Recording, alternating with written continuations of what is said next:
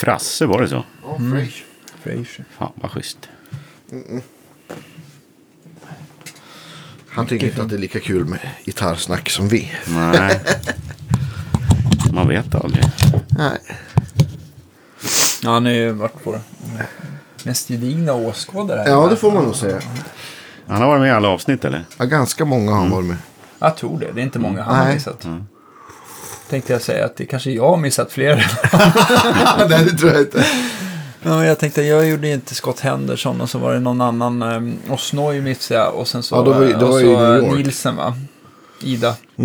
Eh, Tom Emanuel, för då, då var det kräksjuka. Din dotter hade kräksjuka. Ja.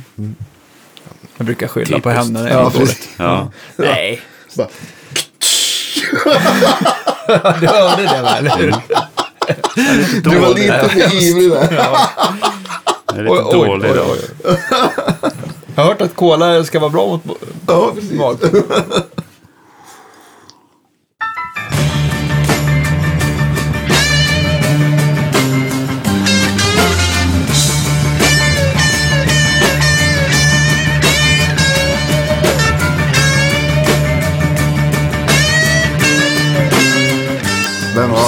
Vems, Metallica-gitarr är det? Det är en, eh, vad heter han, Eh, José heter han va? Som jag gjorde ordning. Det där är faktiskt en, jag älskar ju vita Explorers. Om man tänk, tänker så här 1988 Mm. Ja. One-videon sådär. Så att den ska väl vara lite kopia på den. Men det är faktiskt en sån här billig kines-kopia som jag försökte göra ordning då. Så att eh, banden satt lösa så de har väl limmat till och sen bandslipa på det. Och Den ser väldigt korrekt ja, ut. Och sen så har han bytt till EMG-mickar som, som, Ja. eh, som det ska vara då. då. Ja.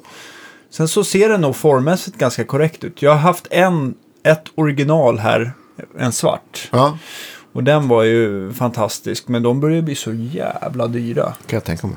Eh, jag tror att man får nog lägga närmare 50 för en sån. Oj. Jesus! Alltså ESP var ju riktigt bra märke. Jag hade ju några sådana på 80-talet.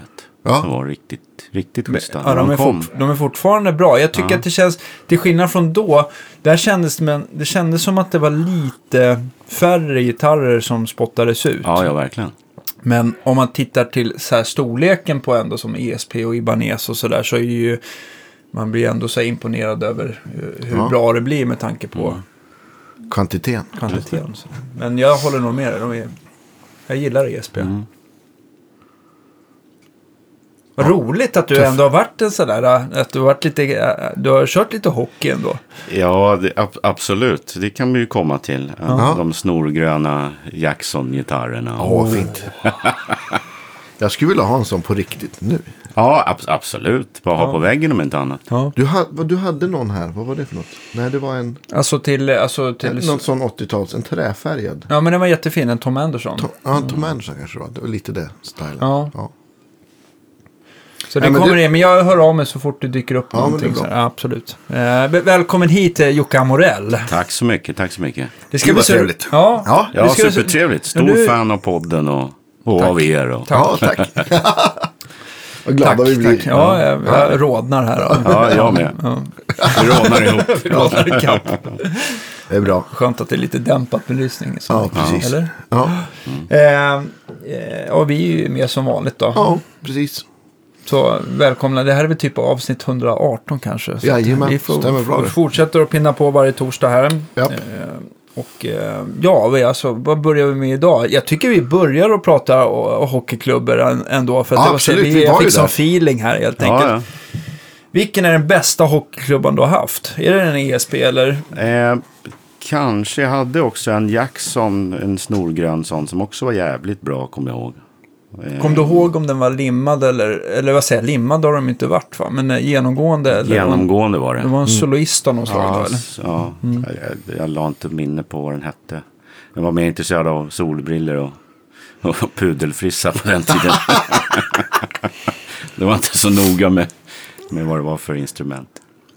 Har du, har du haft många hockeyklubbar? Nej, jag är, lite, jag är lite för ung höll jag på att säga.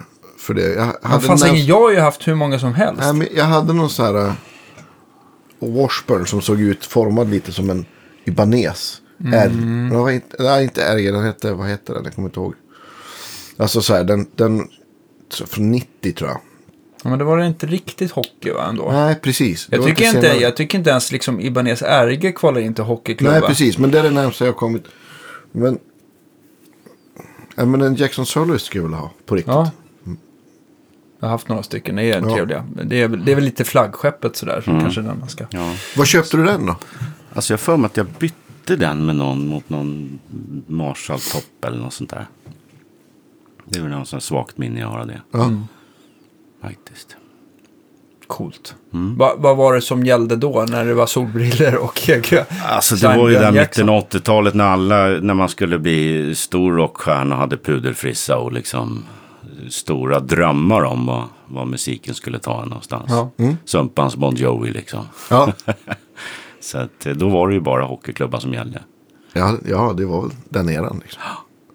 Och eh, då, då fick ju tyvärr Gibson Les Paulen stå bredvid. Och, och, och eh, gjorde man ju sån där supertabbe som man sålde en Les Paul för 5000 spänn eller något för att finansiera någonting annat. Ja. De var ju stendöda då, Les när- mitten av 80-talet.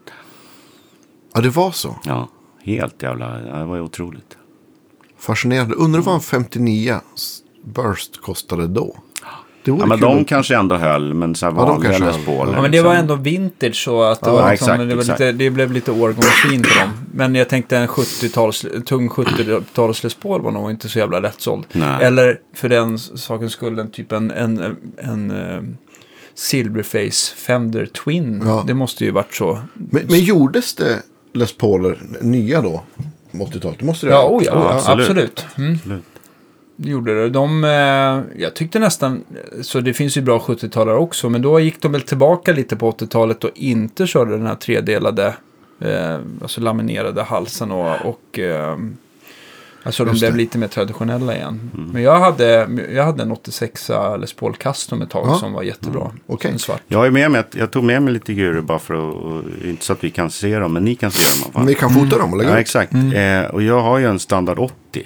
Okej. Ah, Det är ju världens finaste gitarr. Det är väl den första reissuen på, på Gibson tror jag. ja, som på- 59 där. Och den Precis. kom väl då också Ja, 1980? den kom ja. 80 liksom. Och den, den, är ju, den är ju helt fantastisk. Just det, den Så, pratade... Var det Astner som pratade om det i avsnitt nummer ett? Att han hade en sån som han hade sålt. Som han... Just Tycks det. jag minnas. Ja, men det, jag har något svagt minne av det också. Ja. Att han, och, och det är ju liksom Tim Shaw-mickar och liksom svinbra. Riktigt bra. Ja, original. Ja, just det. Tim Shaw var, han jobbade på... Ja, ja, ja. just det. Så var det. Hur länge har du haft den då? Alltså historien är ju så här att jag, jag, jag, jag köpte en, den, eller ska jag säga en sån, när jag var 14 år. Okej. Eh, och det var så att jag eh, pryade på eh, dikemusik ute Ja. i Fruängen. Åh! Jag såg det där klistermärket på, på... Vem hade du som chef då? Eh, Benke Ternhamn hette han. Mhm, Men vad jag, vad jag, vem jag träffade där ute, det var ju mycket musiker som jobbade. Det var ju superroligt för någon som var 14 bast och, och glida runt där. Mm. Ja. Då träffade jag en kille som hette Maffi Mariano. Just det. Superbra gitarrist. Som eh, tog hand om mig lite där ute sådär. Och han hade också en brorsa som hette Kino Mariano. Som, eh, ja, han och Velander hade väl de flesta liksom jobben Precis. på 80-talet. Och det visade sig att eh, Kino bodde på samma gata som jag i Hallonbergen där jag kommer ifrån. Ja. Eh, så att jag pinnade över där och knackade på liksom. Så här, "Ja, Tjena, jag känner din brorsa. Ja. Så fick komma in där liksom. Då var de precis hade börjat med gitarr lite grann. Hade kommit Ja. igång lite grann. Några ackord sådär. Och så visade han mig lite sådär. Någon penta och grejer och så här. Och sen järnet hem. Sitta och öva på det. Tillbaka några dagar senare. Knacka på. Tjena. In igen. Fick lära sig lite licks. Superschysst att han bara liksom vad nice. tog in den och liksom visade lite. Gav en en bulle och fick liksom känna på hans gitarrer och liksom. Ja, vad grymt.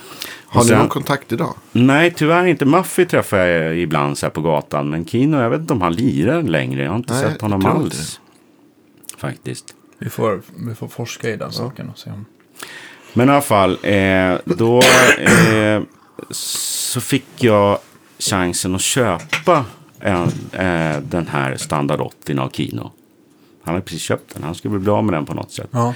Jag tror den kostade typ 15 000. Det var ju liksom, det fanns Mycket ju inte. pengar. Ja, för fan. Jag kanske hade 5 000 eller någonting som jag hade Ja. sommarjobbat ihop eller något sånt där. Så men, men han lät mig köpa den för fem och sen betala när du kan. Liksom. Det var ju superschysst. Så Ja. då jobbar man ju som fan på att försöka betala av det såklart. Sen så, så eh, skulle jag värdera den där eh, gitarren för att kunna försäkra den. Och då tipsade Kino mig om en kille som heter Roger Pincott som jobbar inne på eh, Soundside. Han var den som, som eh, värderade gitarrer på den tiden för försäkringsbolag. Okej. Så jag åkte in och träffade honom, också en sån här superskön snubbe som, som, eh, som såg en lite grann och tog sig tid att snacka med en och så här. Men i alla fall, eh, för att göra en eh, eh, lång historia kort så... Nej, blev- inga korta historier. Fortsätt. Jag blev i alla fall kompis med Roger då och när han startade egen butik på Kocksgatan, Östgötagatan, så började jag jobba lite där som lite springchas och sådär. Nu måste jag tänka, Kocksgatan, Östgötagatan. Ja, alltså, det fanns där. en där, där, Mm, just där de säljer liksom keramik och Exakt, sådana saker. just ja, just det. Och butiken hette Musikshoppen och så fanns det en studio där runt hörnan där TG11 ligger som heter Montezuma. Aha. Recordings nere i källaren där. Så där eh, fick jag hänga då och han blev lite som en mentor för mig där. Eh, och sen som sagt kom ju 80... Va, vad hette butiken sa du? Musikshoppen heter den. Musikshoppen, ja. Och eh, då som sagt så kom ju den här pudelperioden. Mm. Så Les Paulen åkte in under sängen. Men du sålde den inte i alla fall? Nu, nu kommer det här som man Ja, vaknar, Ja. vaknar till varenda natt sen dess. det var ju Jackson-gurorna och allt det där som Ja. kom. Och sen så skulle jag åka med Roger till England. Hade ju inte en spänn. Ja. Mm, just det, jag har en gitarr som har legat ett par år under sängen. Jag tror jag fick fyra för den. Och, och det, det var en sån mardröm några år senare när man har fattat vad man har gjort. Eh, men, och, och, nu, och, och sen glömmer man ju det där, men, men bara för en sex sju år sedan så lärde jag känna en kille som heter Gitarr-Thomas och samla på gitarrer. Just det. ja, oh, ja. Han, eh, eh, jag hade fått lite pengar över så jag tänkte nu, nu måste jag köpa en Les Paul igen. Jag har mest Strate liksom. Så jag tänkte nu, nu är det Les Paul-dags. Så jag åker ut till honom. Eh, Det första gången jag träffar honom så vi sitter och fika och snackar och så här. Så jag drar den här historien om att fan, jag vaknar kallsvettig varenda gång efter man... Varenda natt sedan man sålde den där liksom. Ja, vad var det för gitarr? Ja, en, en standard 80 liksom. Ja, och så piper han iväg in på sin, sitt lager där. Han har väl en 200 gitarrer eller någonting. Mm. sådär, men. Så kommer han ut och öppnar en case. Är en sån här? Då är den där. Det är den gitarren? Först trodde jag ju det, för den var exakt. Ja. Men vi kom fram till att det är inte den gitarren. Men, men det finns ju inte så många. Det är en Honeyburst, tigerrandig. Ja. Det fanns inte så många sådana. Så det var ju helt otroligt. Och jag bara, jag tar den. Jag ska inte sälja den. I'm gonna make you an offer you can't refuse. ungefär så, ungefär så. Men vi satt där och surrade och jag blev kvar flera timmar. Vi hade supertrevligt och så här. Sen såg han väl på mig att jag var liksom, ja, Knäckt. ja, var nog ordet. Så, så, så ja, du får köpa den då. Inget snack om pris, jag bara tog den och åkte hem och sen var det bara att betala. Ja. Glad Men var det, ut. hur länge sedan var det här då? Sex, sju år sedan tror jag. Ja. Men vad, Ja, vad ja, betingar ja. de där idag? Vad har du sett för priser? Alltså jag har sett, eh, jag har sett allt ifrån 40 till liksom 85. Ja. Så att det är verkligen sådär. Och, och, men kanske någonstans 50-60 är nog rimligt. I alla fall för mitt ex som är så pass fint. Ja. Det finns ju vanliga Sunburst och så här, de är ju schyssta. Men den här eh, toppen är ju galet snygg. För Alltså. jag kommer ihåg när jag jobbade, som, precis som du gjorde på musikshoppen, som slags springpojke på Mm. Second Hand Music, så vet jag att Thomas som ägde Second Hand Music, han, han, han samlade ju på sig i alla fall par, tre stycken sådana där. Han, Mm. han lever ju inte längre, så jag har ingen aning om vart de har tagit vägen. Men, men, eh, men redan då, här pratar vi ändå så här slutet 90-tal, alltså Mm. mitten 90-talet, då tyckte ju, Ja. det var ju liksom, det där var ju en jättebra investering. Ja, då. Ja. Men då tyckte jag att det var rätt mycket pengar. För då tror jag de var värda någonstans runt 20-25. Vilket tyckte man var... Då, Ja. då hängde vi ju ut liksom en Les standard för 9 och 9 Ja, på väggen. det, just det. just det. Men jag tror Thomas sa innan kraschen där 2008 så hade han sett dem för liksom 80-90 liksom. Fuck. Så att, men sen woof. Så att, ja, jag, jag skulle säga att de, ja, kanske 50 då om man har tur. Men Ja. eh, den får bli kvar. Bra. Men hade du den med dig? Jag har den med mig faktiskt. Vad fasiken, jag går och hämtar. Ja. Ja, gör det. Måste vi bara känna lite på den när vi har ja, men absolut. Ja, man kan... Det bästa jag vet är det kommer sådana här stories med, med lyckliga slut. Ja, ja, det där är lyckligt slut. Den där ser man glad. Så har Ja. inga, inga större problem i livet än så. Nej.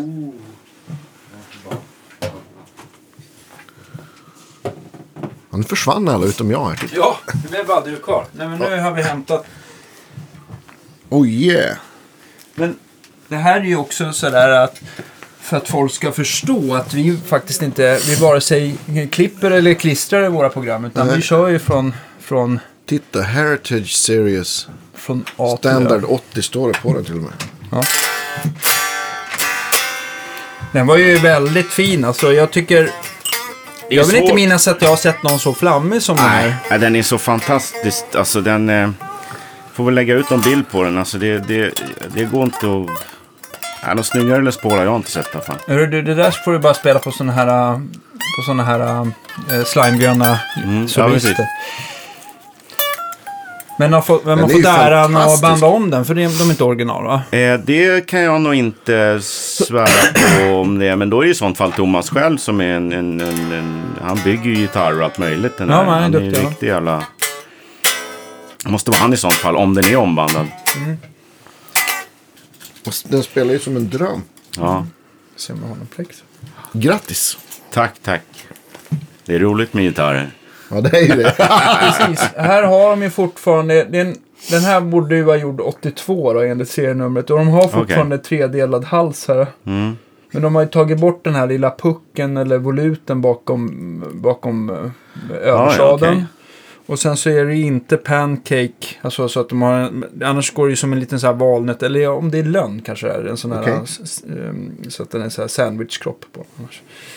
Och det är, kroppen är byggd i ett stycke. Flatsågad typ. Som det ska vara. Ja, jättefin. Och så otroligt flammig. Jag stämde inte ens.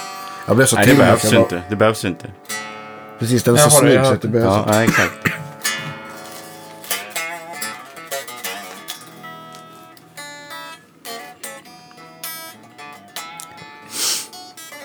Och det är sån jävla skjuts i den där. Sån sustain Ja, som verkligen alltså.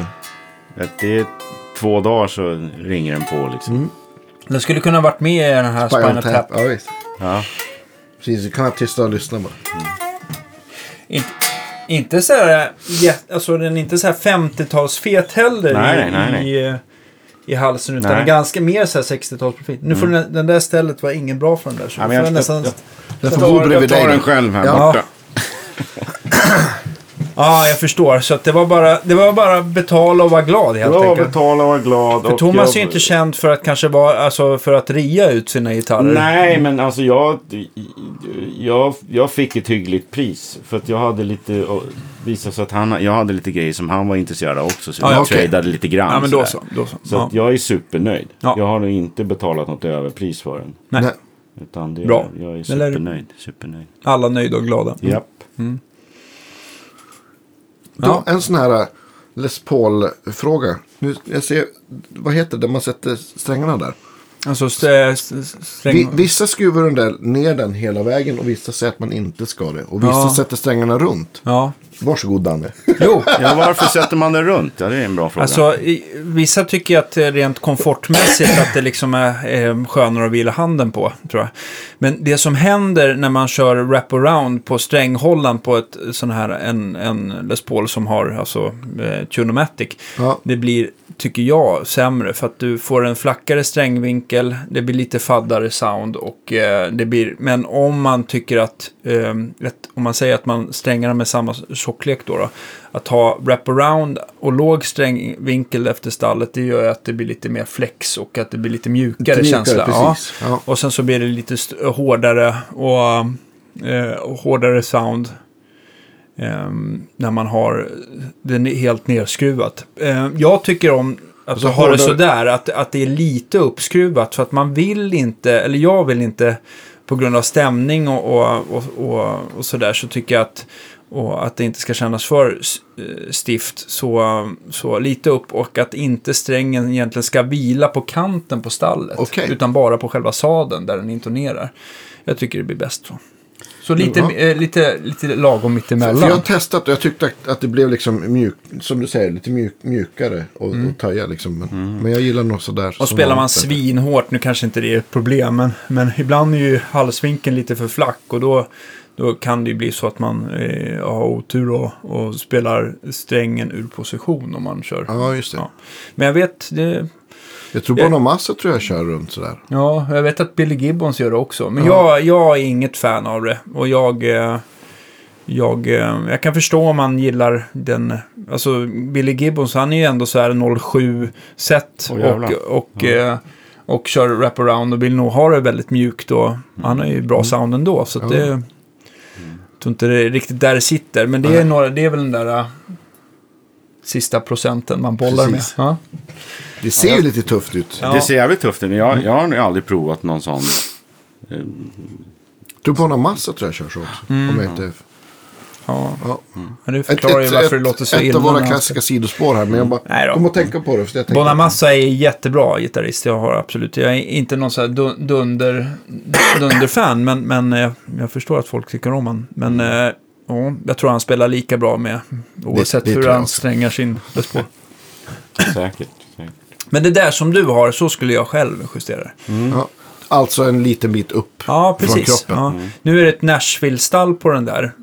Om man tittar på, om man tittar, de här ABR-stallen som är, är, de har ju oftast, inte de första, men sen så kommer det som en liten sträng som håller sadlarna på plats där. Och det är lite Aha, smalare. okej. Det där är Nashville, så, och jag tror att det är original det som sitter på det.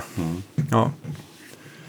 Men eh, mycket fin gitarr. Ja, Ja, Inte- jag är superglad. Alltså jag, jag har alltid sett mig som en Les Paul-kille. Men jag använder det inte så här jättemycket. Men jag är så jävla glad av att ha den i, i, Mm. i, i liksom hemma och bara ta fram den. Och, bara man tittar på den så blir man ju glad. Ja men verkligen. Väldigt, väldigt snygg. Men den där, eh, tror du att den har liksom fejdats lite med tiden, lacken? Eller, det tror jag absolut ja, att den har. Eh, den var nog liksom mörkare och liksom så här från början. Ja. Det är jag övertygad om. Den har legat lite i solen och sådär. Ja. Så det som händer med en sunburst är ju att klarlacken gulnar och Mm. att pigmentet i själva bursten försvinner lite grann. Så att den, Aha, den bleks ut lite grann. Så att jag tror att det där om man ska beställa från... Från, från, eh, jag tycker att den är lite för röd för att kallas Honeyburst i Gibson-språk om man beställer det. nytt. Ja. Men, men den är... Så du är för lite röd. Ja, men alltså Mm. jag tycker Honeyburst brukar inte ha så...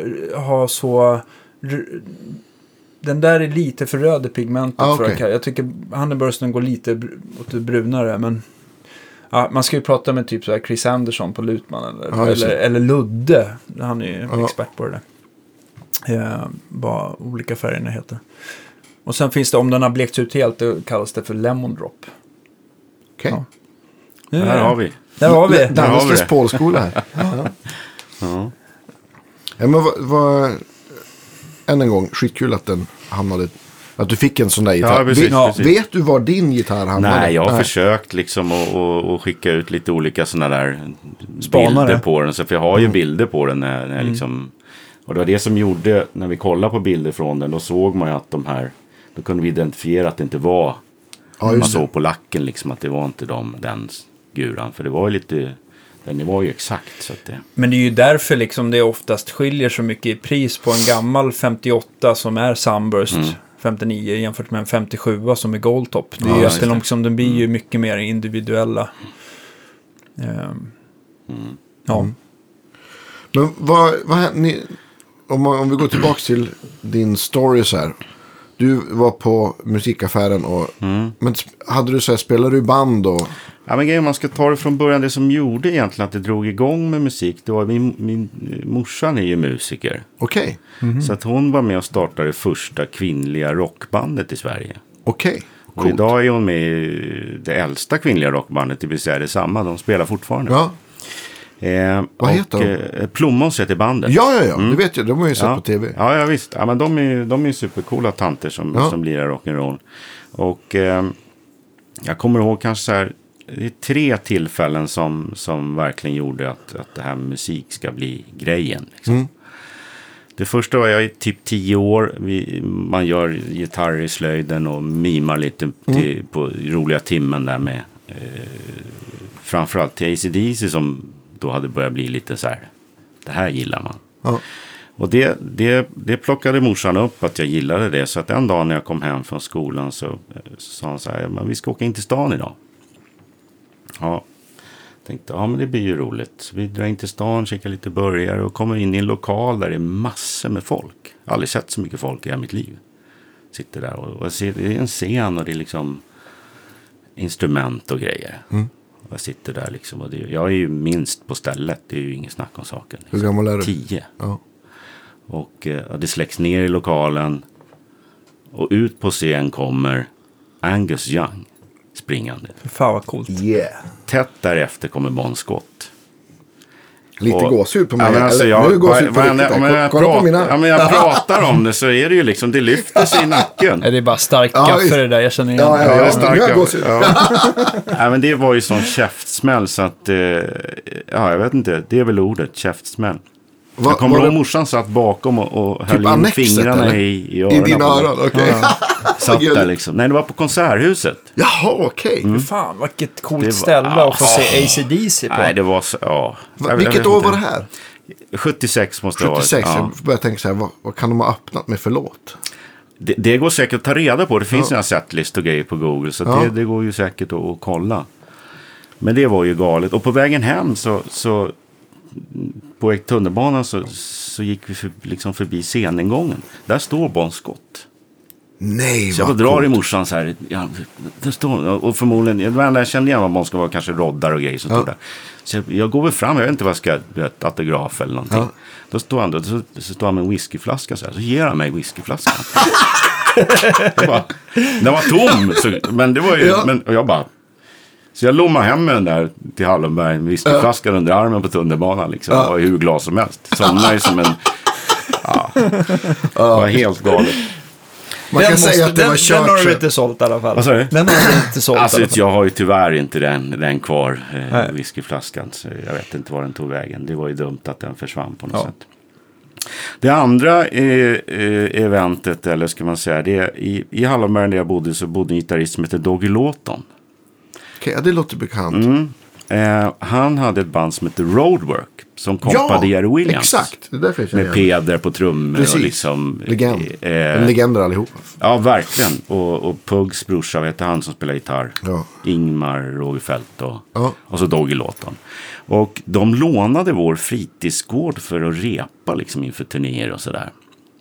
Och då när de hade gjort det, eh, repat klart, så, så, som betalning tror jag, så gjorde de ett gig för oss kids i, Ja. på fritidsgården. I innebandyrummet. Ja. Så sitter man där liksom i rundring som på dagis typ och kollar på Jerry Williams och Roadwork. Det var ju också sån superkäftsmäll. ja, alltså. visst. Det kan jag tänka mig. Alltså. Så där någonstans börjar det liksom kännas att det här med musik, det, det kanske inte är så dumt ändå. Kan jag verkligen förstå. Efter Vilka starka intryck. Ja, verkligen. Alltså, det hade ju varit det idag, men när man är liksom så här 10-12 år så är det Ja. ju liksom... Det, det, det, det spritter ju hela kroppen liksom. Ja, visst. Och sen kom ju Thin Lizzy in i mitt, mitt liv. Eh, eh, man börjar ju starta lite band och så här. Och jag eh, började spela gitarr som sagt. Och, och eh, tillsammans med min gode vän, som fortfarande min bästa vän Håkan Granat, så hade vi lite olika konstellationer och höll på där. Så kom Thin Lizzy in som sagt i livet och eh, det var väl kanske då 80, jag är 14 bast. Då såg jag dem första gången på isstadion. Ja. Och då var det ju liksom, då fanns det ju inget annat. Det här kommer bli mitt, mitt liv och mitt levebröd musik Ja. liksom. Det är inget snack om Vi- saken. vi- Vilka var i bandet då? Vad sa du, vilket år var det? 80 var det första gången jag såg dem. Då var det nog... Hmm, då var ju inte den klassiska line-upen som jag tycker, den Live and Dangerous line-upen. Utan det var ju, undrar om det inte var Snowy White tror jag. Och Scott Gorham, Downey och Lynott och så eh, Darren Wharton på keyboard. Sen såg jag ju dem ett x antal gånger där på, på, i stadion. Vilken var den bästa? Alltså svårt att säga. Jag tror kanske att 81 Renegade tror jag. Eller 82 kanske var. Jag kommer inte ihåg. Någon av dem var nog bäst. Men det var ju en upplevelse varenda gång. Han var ju sån, sån frontman och sån magiker vad det gäller s- scenspråk och texter och musik för all del också. Men det var ju, ja men där, där någonstans var det ju, beslutade jag mig för att musik är grejen. Liksom. Så att Det kan jag verkligen förstå. De tre sådana liksom. Ja, ja, visst. Det är kört sen. Ja. ja, men man behöver ju bara Live, and Dangerous och, och Back in Black liksom Ja, i lådan absolut. hemma. Det, det, Ja. Det är de man behöver. Här kommer man långt. Så, ja, Ja. så att, eh, ja. ja. Men sen så, eh, vad hände efter det? Ja, men sen var det ju Ja. pudelfrisse-perioden. Men med- hade, kommer du, vad var första gitarren? Jag tänker så här innan du... Första gitarren. Knacka på just det, ja, men det Mariano. kommer jag ihåg. Jag, jag släpade med morsan in till Hagström på Drottninggatan. Ja. Och Där köpte John en- jobbade va? Var det inte där Just det, han jobbade där ja. Då, på den tiden. Gjorde han Jo, inte men det? han har varit det. Men han var ju också den här, han var ju, eh, vi pratade alltså om John Olsson som Förlåt, jag pekar här på John Ja, Olsson just som sitter här ute och löder. Men, han var, men John var väl också ute på den här stora Hagström-satsningen Så också. Som, var. som var, eh, vad kan det ha varit ute vid Solna någonstans? Vi får, Förlåt, fortsätt. Ja, ja. Mm. Ja, och där köpte jag min första gitarr. ehm, en Duke Ja. Les Paul. En riktig skitgitarr alltså. typ 795 spänn. Men, men på ett sätt var väl det ganska bra när man började liksom att man fick kämpa som fan för att få Ja. ackorden och låta överhuvudtaget på den här även. ja. Men eh, det, det, det var den som, som jag började med. Och sen kom ju ganska snabbt det här med, med Kino Les Paulen. Mm. Så att ehm, eh, sen började det ta fart som sagt. Och eh, pudelperioden gjorde sitt intåg. ja, visst. Vad var det för pudelinfluenser du fick? Alltså det... Alla, alla tänkte säga, men många höll ju på med det här rock-SM och Ja, just det. det. var ju Max Martin, It's Alive och, och liksom alla vi Europe. höll ju på och sprang runt och, och skulle bli stora rockstjärnor liksom. Ja. Så att det var väl influenserna var väl det som Bon Jovi och allt det där som kom där på 80-talet liksom. Men sen så eh, efter det så börjar man ju tänka att man kanske måste betala hyran också. Så att man måste ju kanske ha ett jobb eller det var då man började tänka på att kanske man måste få in pengar på instrumentet. Så då hade jag en, en kompis som heter Dante som, som kände en kille som bokade alla banden i Sälen. Just det. Och då um, slängde vi ihop ett coverband. Alltså Dante som spelade med Uggla. Ja, exakt. Ja. Precis. Så jag, han och, och Fredrik Bergström, en trummis, Mm. som också en god vän. Vi drog upp ett coverband och så höll vi på att harva där uppe några år. Mm. Och, och drog igång och liksom fick, fick massa gigs och kunde leva på det. Typ mitten 80 eller? Nej, jag tror snarare början av 90 skulle jag nog säga. 90, okej, Slutet av 80, ja. 90. Ja, någonstans början av 90 skulle jag nog säga. Ja. Och sen börjar man få lite så här häng på lite olika gitarrjobb. Jag var ute och spelade, gjorde lite turné med Pernilla Wahlgren, Anki Mm. Bagger och Kaj och Jean-Paul Wall som är en gammal kompis också. Just det. Ehm, Men just det där med att ehm, ja, jag, jag läser inte noter och har inte så här superhaj på alla eh, konstiga ackord och så här. Så att jag, den frilansmusiker blev inte riktigt min, kändes inte som min grej. Så att jag, för jag ville ju liksom hålla på med mina låtar och, och sådär. Så att en blandning av att kanske inte riktigt tycka att det var roligt och kanske inte riktigt vara helt kompetent för att göra de jobben. Så, så började jag kika på att göra egna grejer. Mm. Men sen har jag ju, som sagt, jag lever ju på musik idag och det gör jag ju i form av coverband. Liksom. Mm. Så att eh, det är fortfarande jävligt roligt att, spela och liksom Ja, hålla på med visst. det. Vilket, eh, jag tänkte på, när du spelar cover så himla länge, har du, hur tänker man som coverband? Tar man bara ut liksom grejer man själv verkligen asdiggar och så får man hoppas att publiken gillar det? Eller är det mer från andra hållet att man, man spelar det man tror att Det, folk vill det ha? finns två faktorer som gjorde att, att efter vi hade hållit på och harvat uppe i Sälen och stått och spelat Dagny liksom till man, man kräks där uppe så, så, så kom man ju fram till att det här kanske inte var riktigt vad, vad jag vill hålla på med. Det är ju roligt under ett tag liksom men det blir Ja, ett jäkla festande och hit och dit liksom. Så, så till slut så, så känner jag så här, ska jag hålla på med det här då måste det vara på mina premisser lite Ja, grann. Och något som alltid varit viktigt att jobba helst med de vännerna som man gillar. Liksom. Mm. För det är viktigt att liksom ha, ha roligt på jobbet. Ja, så att någonstans där efter jag hade slutat med den här eh, sälen eh, coverandet så, så bestämde jag för att eh, jag gör ett band som som är naturligtvis superkommersiellt men ändå lirar de låtarna som jag själv diggar. Och riktar in oss på att liksom man ska dansa. Inte afterski-grejen utan upp med tjejerna på dansgolvet då kommer ju killarna också. Exakt. Så att eh, eh, bandet som jag har idag som heter Ferillos är ju en åttamannaband med tre blås. Och liksom, vi har ju hittat en liten nisch som, som funkar liksom bland eventbyråer och liksom företagsfester och så. Kul med blås också. Ja, det är ju super, superkul och vi har ju Sveriges bästa blåssektion helt klart. Det är Viktor Sand, Ja. Martin Paulsson, eh, Fredrik Oskarsson. Och det är ju liksom, att, att spela med en blåssektion det är, ju no, det är ju någonting alldeles extra. Det vet ju alla som har gjort shit, det. det är När man glider ut, vi är ju liksom en partymaskin som, som ingen kan ju stå still. Så Nej. enkelt är det ju. Och det är ju på grund av att bandet är bra såklart. Men det är ju liksom...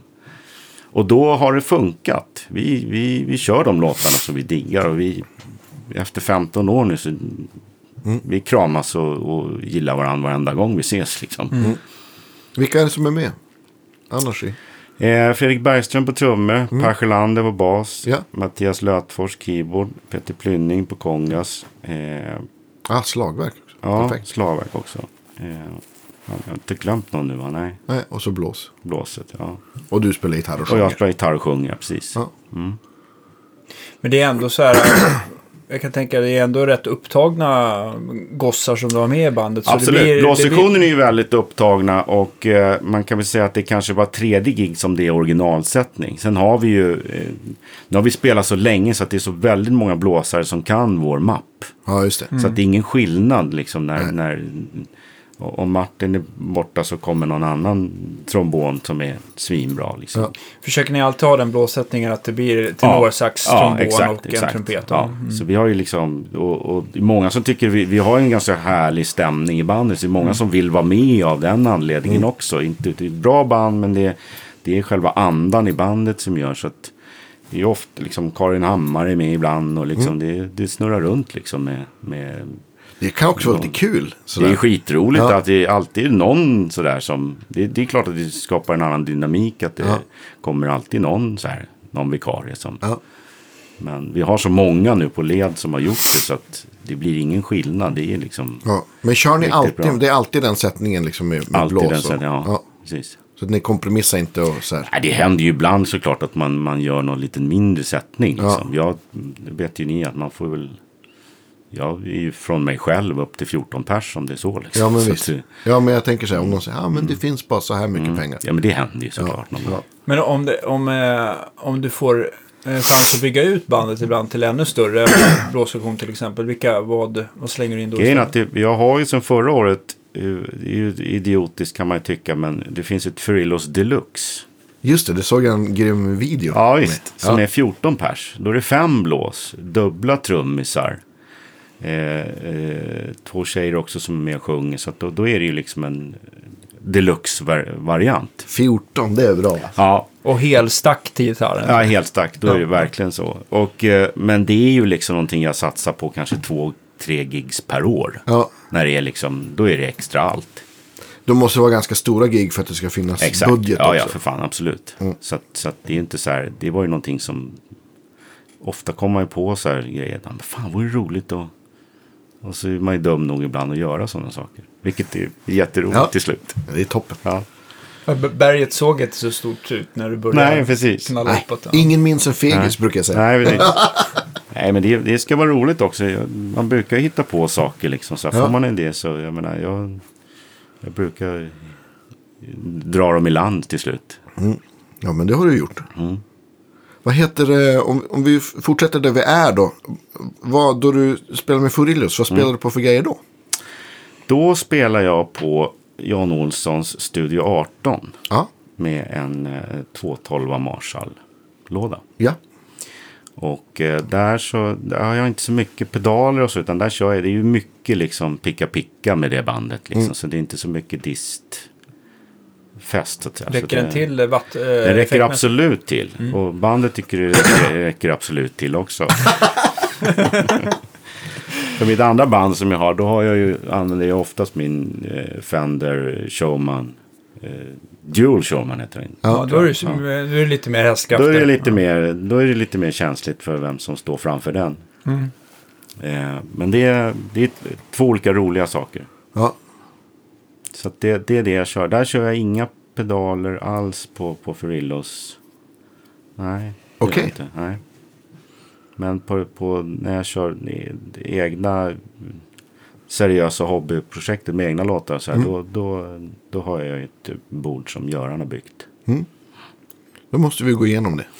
Ja, alltså jag är inte så här supernördig. Jag var ju rädd för att man skulle, vi skulle sitta och prata hur wowan går före disten och allt det där. Jag är inte så, så noga med det där. Utan jag, jag, jag tog med mig en bild bara därför. För att Ja. jag är inte så här superhype Men, men visa den så kan, så kan vi kommentera här vi- och såga. Och så lägger vi, lägger vi upp bilden sen. Nej, vi ska det, inte såga någonting. Jag tycker... nej, det är nog f- 100% genomtänkt. Och, jag tror inte Jag tror att jag, Göran brukar inte heller lämna någonting. nej, Han brukar ju verkligen dra hand- i nödbromsen om det, om det är allt för galet. Grejen är väl att det där är som sagt alltid, man kan ju, står man där inne på hos Sebbe så kan man ju, blir man ju tokig till slut. Måste ju gå ut därifrån. Som annars så kommer man ju därifrån med kassar med, Ja.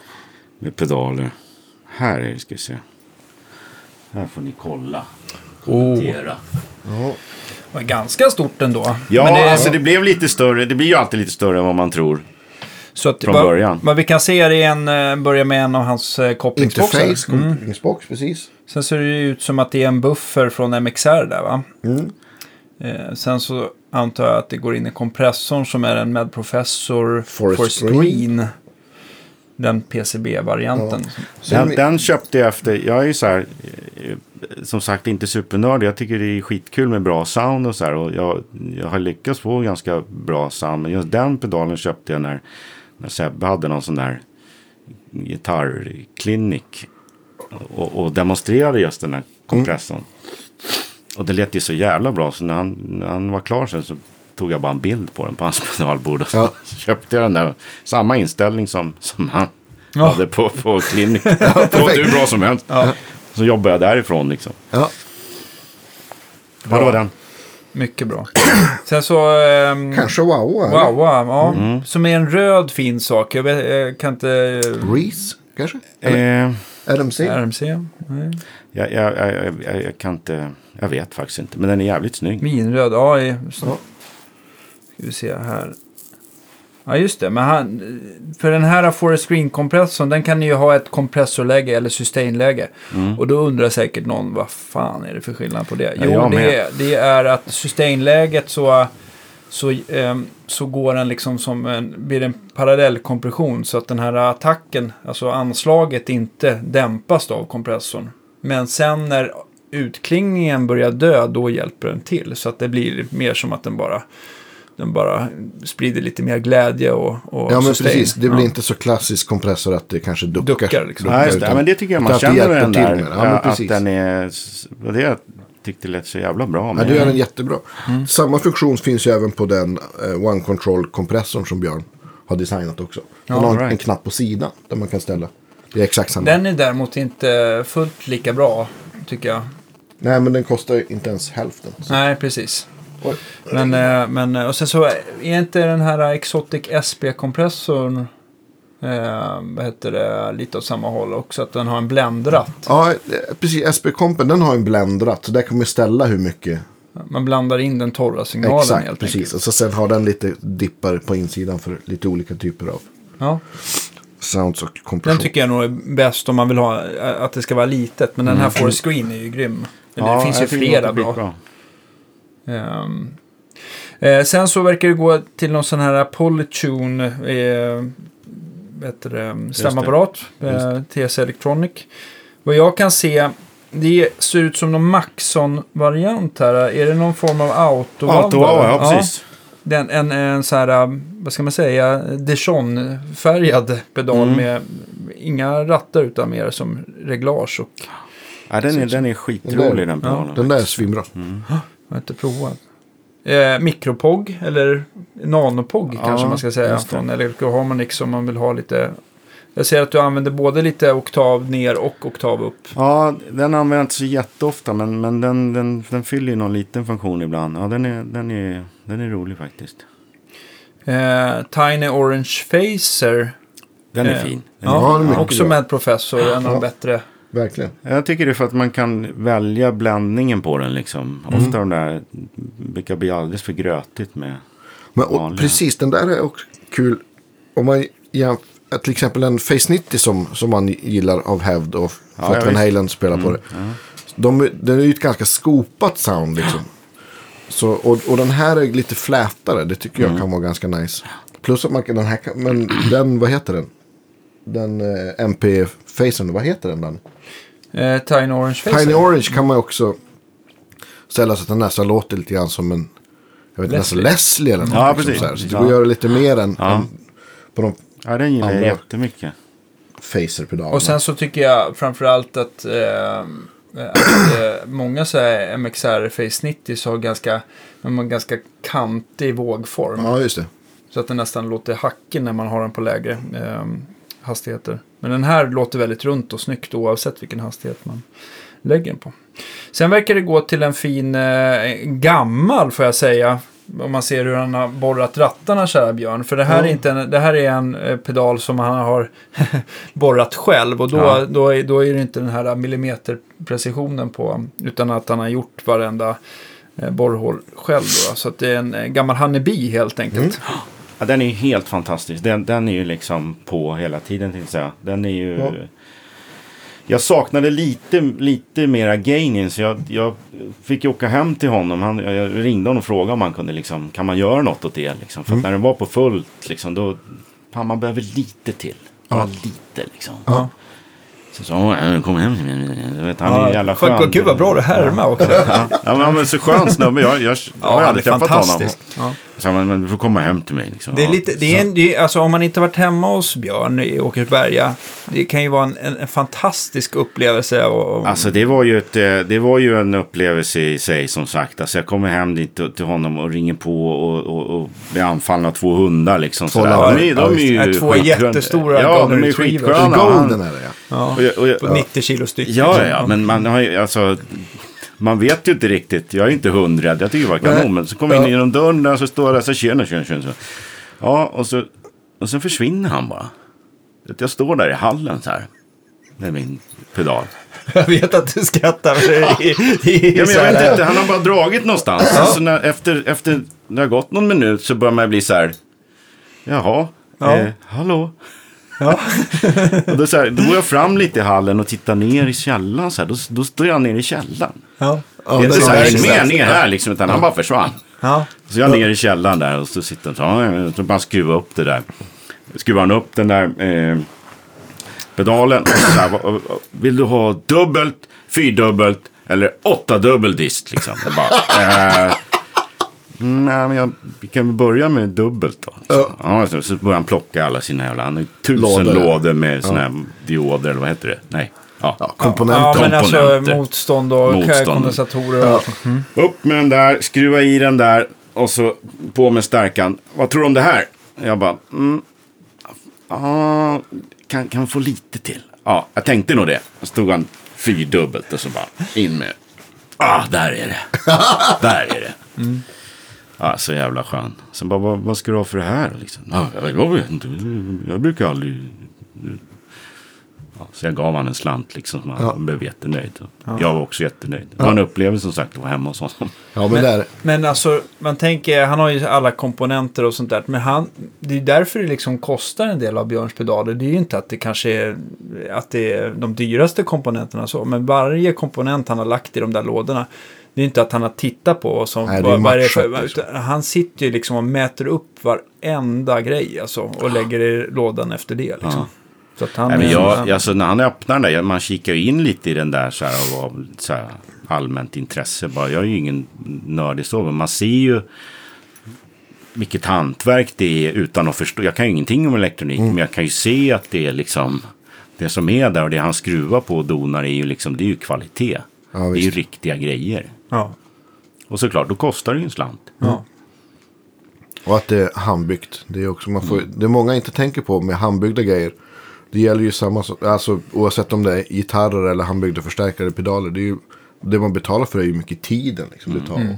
Ja, men framförallt att sitta och mäta ut allting. Ja men verkligen. precis. Och, Och jag tror att det, är väl, det är väl, han gör väl det också av den anledningen att han inte ska behöva tänka sen vad som, alltså att, alltså lyssna på, han lyssnar ju givetvis på alla men det brukar ju bli mindre skillnad mellan pedalerna om, om man liksom har gjort förarbetet liksom. Ja, fan, han har gjort sina 10 000 timmar med, med det där. ja herregud. Garanterat alltså. Det var länge sedan. Ja, ja precis. Men lite så här, jag ska också höja, eh, just när vi pratar om Mad Professor, eh, de kör ju en handwound serie. ja just det. och, och en PCB-serie från det. Asien. Och jag eh, upplevde i alla fall när jag jobbade på Deluxe att, att det var mer eh, reklamationer på de handbyggda. Så Okej. att det är inte alltid att, att, att bara för att det är handbyggt så blir det att det blir Nej. mindre strul eller Nej. någonting. Jag tror att Björn så har alltid haft väldigt lite problem. Det är någon Mm. switch som pajar ibland som man får byta eller någonting. Men det brukar vara bra. Men det vad jag förstår det som så kan det också vara lite för trångt en pedal att göra allting så här. Det. Eh, alltså det får inte plats att bygga kan som. John bygger en point-to-point-stärkare eller Ja, någonting visst. sånt där. Så att, eh, ja, men det som jag tycker oftast man ser på dyrare pedaler mot billiga, det är ju att sådana potentium, om man skruvar av rattarna så här på potentiometrarna, Mm. så brukar ju väldigt många tillverkare ha i plast. Alltså den Ja, här just axeln, du vet. Ja, du vet Ja. du är lite, är man lite fumlig på scen och råkar trampa lite snett, då trampar man ju av de där Ja, rattarna. Ja, ja. Eller så, eh, ja, att jacken är chassimonterade brukar ju också göra att man inte Precis. kan förstöra dem lika lätt sådär. Ja. Jag vet inte, har du, du som har trampat på så många pedaler, har du trampat sönder mycket? Nej, det, nej, det har jag faktiskt inte. Nej. Lite switchar men det är mer slitage. Liksom. Okej, Annars har jag nog inte tagit du har det. klarat det bra. Trampat sönder något. Vad kommer sen här då på? Ja, vidare. Det är väl en sån här Bolt, eller vad kan det vara, JHS? Är det en Morning Glory kanske? Ja. Får se. Den som är bredvid där, ja vad fan hette den? Den är den nyaste En blixt va? Heter den inte Bolt? Det kanske Nej, heter det kan- Bolt. Ja, Ja, men det är en Det JHS-pedal var i alla någon som skulle passa väldigt bra till min Fender enligt, Men är det här enligt uh, Sebbe och gänget där. är det en JOS är det nog, ja. Precis. US? Men ja. det är inte, är inte det hans liksom Tube Screamer style? Nej, det tror jag inte. Nej. Jag får kollar, nästan jag kollar här, samtidigt så här. Ja. Så att vi inte säger fel. Vi ska självklart lägga upp bilden på ditt Ja, då får ni inte säga här. fel. Eller Ja, jag, jag borde ju veta som är, som är ägare av bordet. JOS Pedals ligger i alla fall eh, eh, eh, 7490 kilometer ifrån Guitar Geek står det. Ja, Ja, ja. Bara så vi vet. då, vet- då vet vi. Mm. Eh, ska vi se. Eh, Guitar Pedals eh, söker vi på. Alldeles strax. Ja. Men ni kan gå till eh, nästa. sen- är, det, är det en... Nästa pedal är, det borde vara Deep Blue Delay va?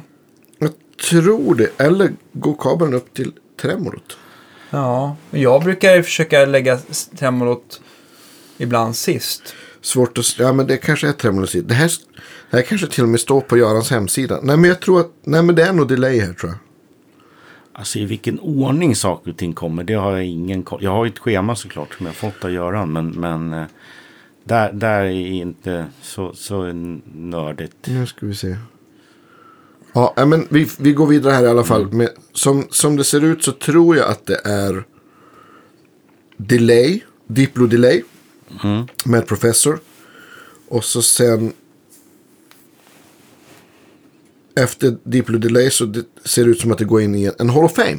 Reverb. Japp. Och sen Tremolo T-Rex Tremster med två, två... Ja, du kan tappa Ja, det är en tapp, ja. Precis. Superbolt Superbolt. Du hittar den. Ja. Vad är det för något då? Det Är vi strax. är den... För att Morning Glory är ju någon typ av... Det är ju en Bluesbreaker-pedal. Kopia. Men den här... Nej, men det här... eh, Det här ska... 60s era super, super amp in a box. Ah, okej. Det är lite som... Så det ska väl vara egentligen lite grann som uh, Honeybean, fast det är det ju inte. Nej, jag tycker Nej, jag har för mig att den är lite- brightare och liksom lite... Absolut. Ja. Men... eh, Bra komplement till Hannebin tycker jag. Ja, absolut. Sen, sen sist sitter det en uh, Custom Audio Electronics... Ja, MXR line. En MXR, Driver, en booster. Ja, en clean precis, boost bara. Precis. Sen längst upp på bordet har du ställt en, en, eh, en Raptor också. Ja, precis. Ibland så, så får jag feeling för den och, och, och sätter ner den på Honeybee. platsen när det ska vara mer Precis, Ja. dist. Folkesson Raptorn. Ja. Och den är väl, den är väl mer så här uh, high gain orienterad absolut, och lite mer absolut. komprimerad och Ja. mättad. Ja. Nej, men Honeybee är väl den som är all time favorite. Den, Ja, det, Och du kör en eh, som gärna, jag vet, um, Göran gillar de här uh, Decibel 11 ström ja. ström. Ja, precis. Ja, de har funkat, jag har dem. Mitt så... jag är supernöjd. Jag har bara haft det där pedalbordet kanske i tre, tre år någonting. Innan dess har jag, inte, har jag liksom släpat dem i en, i en Mm. Påse. pappkasse. Liksom. Ja, men Decibel 11 jag har haft i 6-7 år. Snart Aldrig sju år. strulat. Och det har tagit trä aldrig strulat. Nej. Mm, Och, men jag har haft andra strömförsörjare som har strulat jättemycket. Och som har brunnit upp. Och, Berätta någon. eh, ass, till Ja, exempel. men vi är ju ändå, vi är en ändå transparent podd som säger vad ja, vi men- tycker. Ja, men, fakt, ja, men jag har... Eh, alltså... Voodoo Labs ISO 5 har jag haft, tror jag, fyra stycken som har brunnit upp. Jaha. Jag, jag har en gammal eh, Voodoo Lab, alltså en sån här, vad hette de Pedal första? Power 2, va? Pedal Power 2. Och, men grejen var att de bytte ju fabrik så att de, och det, så att de började göras i Asien, i Kina tror jag. Okej. Och då sjönk kvaliteten. Okej. Så att, och, och den, jag, har- mitt trailer trashboard har jag en, en, tror jag, en Woodlab, den här 4x4. Den, tror jag den heter. Den har hållit jättebra också. Och det är väl den, Den, extra den stora har, va? Ja, den har faktiskt gått sönder en gång också. Men jag hade ett, jag hade ett bord med, en sån, med ISO 5 som... Den gick, det, ja, men jag tror att det var tre eller fyra gånger så gick den brann liksom upp fast det, det skulle liksom, allt var rätt. Och det, den liksom fick inte för mycket belastning. Och så sen bara fick jag det på ett ackebord jag har. Sen fick jag nog då den så här på samma turné för tredje gången brann upp. Och så satte vi dit en Siox istället. Och den har suttit där i fyra år. Och bara funkat. Och det är Så ett att jag vet- polskt märke. Ja, det kanske är. Men Voodoo jag vet inte, de, deras större modeller kanske är, bra fortfarande. Men, men den lilla där har jag tappat det förtroendet för. Det är inte så kul att saker går sönder liksom. Nej, på, fan på, det var liksom så här att det gick sönder på rep, proddrep, genrep och typ andra gigget. Och så Åh, sen jävlar. var det väl liksom. Det var i, var var jag någonstans? Jag tror det var i Jönköping. Och så fick någon springa iväg och köpa en. Så bara, köp vad som helst. Vad som bara, helst, det inte, bara det inte en sån här. Jag har haft Pedal Power 2, den har jag aldrig haft problem med. Nej, och de jag, är har inte, jag har aldrig haft problem med Kiox heller. Jag vet att deras, de har väl lite olika serier där. Det som jag tycker kan vara lite mäckigt med Kiox, det är ju att de har alltid den här RCA-kontakten i andra Mm. änden. Och att de har en, en, alla utgångar har en säkring. Så alltså, går säkringen så dör Ja, allt. Va? All right. Medans, medans på en, en, en Decibel 11 eller en ehm, eh, Voodoo det finns säkert flera, där sitter det ehm, jag vet inte om det är reläsäkringar eller man säger Ja, automatsäkringar eller något. Men då slår den av bara den, den, den, inte kanalen, men det är uttaget i alla fall om det blir problem. Så kan man i alla fall lira vidare. Mm. Så Strymon gör bra strömförsörjning nu också. Jag har aldrig haft någon själv, men de ser väldigt robusta ut och är liksom isolerade. Ja, G-Lab vet jag att Ja, han, just ja, det. backline-verket um, Okej. mm, använder igen. Ja. Ja, det finns säkert det Ja. finns många där ute som är bra. Men Ja, det här jag- tycker jag är en bra, bra segway till, till, ja, men till ditt egna, din egna projekt, din egen musik. För Ja, du håller, håller på att göra, en, göra håller klart en precis platta på nu, nu va? och, eh, och, och mixar eh, en platta som ska komma i mars. Det är mitt band som heter Curtis Joe. Som började egentligen för en sex, nej väl åtta, ja det är några år sedan i alla fall. Som jag gjorde en tillsammans med eh, den fantastiska gitarristen Lasse Andersson. Ja. Som ni borde ja, Lasse borde vi ha. Ja, det har jag tänkt flera gånger. Världens eh, eh, skönaste eh, kompis och eh, producent och arrangör och allt möjligt. Mm. Han är ju helt jävla magisk. Han är en sån Ja. som har musiken i hela Ja, också lite kroppen. geniläge faktiskt. Fullständigt. Eh, vi tillsammans gjorde en platta på Thin Lizzy-låtar för ett x antal år sedan. Mm. Jag hade en tanke om att jag skulle vilja göra någonting med låtarna. Eh, eftersom det har varit så stor påverkan i, i ungdomsåren. Mm. Och inte bara gå in och, och smälla in Boys Are Back In Town med något band. så, Utan bara försöka göra någonting eget av det. Versioner liksom. Ja, egna versioner. Så vi, vi strippade ner det till liksom en akustisk stil på det. Eh, som Lasse spelar och arrangerar. Och sen så åkte jag till, eh, till Prag och spelade in med en symfoniorkester där. Stråkdelarna. Oh shit vad coolt. Ja, det var helt Vem galet. skrev arren då? Eh, Lasse skrev arren. Sen fick jag hjälp. Jag var där med, med Ulf och eh, eh, Henrik. Mm. Eh, de var där samtidigt. Bröderna Jansson. Ja, precis. Man hyr ju in sig i olika sjok där. Okej. Eh, fyra timmars sjok liksom. Och de, vi åkte tillsammans. Eh, så fick jag hjälp av Ulf att skriva ut det som Lasse hade gjort då. Till hela orkestern. Det var helt magiskt att komma dit, in i studion, upp med alla papper. Och så hade vi ju liksom bara en bakgrund med, med lite klick på. Ja. Och när de bara räknar in och spelar. Det är väl liksom ingen, ingen repetitioner, inget sånt. Det är bara som en löpande band. Och stå där i det där havet av, av liksom Ja. violiner och grejer. Och spela de låtarna som, som, som har haft så stor påverkan på en. Och det var också en sån upplevelse. Att, att Ja. liksom, och den skivan blev ju jättebra. Eh, Vad kul. Så att den, den finns på Spotify att lyssna Ja. på. Man Vad ska man söka på då? Courtesy of. Ja, men vi, du får, som vi brukar be våra gäster, jättegärna göra en, en Ja, spellista. absolut. Det kan Och alla absolut våra spellistor lägger vi i princip bara ut på Facebook. Om man inte På kan... flödet. Kan man följa dig på Spotify annars? Ja, absolut. Och då söker man på Andy McGain. Ja, eller Andreas Rydman tror jag. Bara.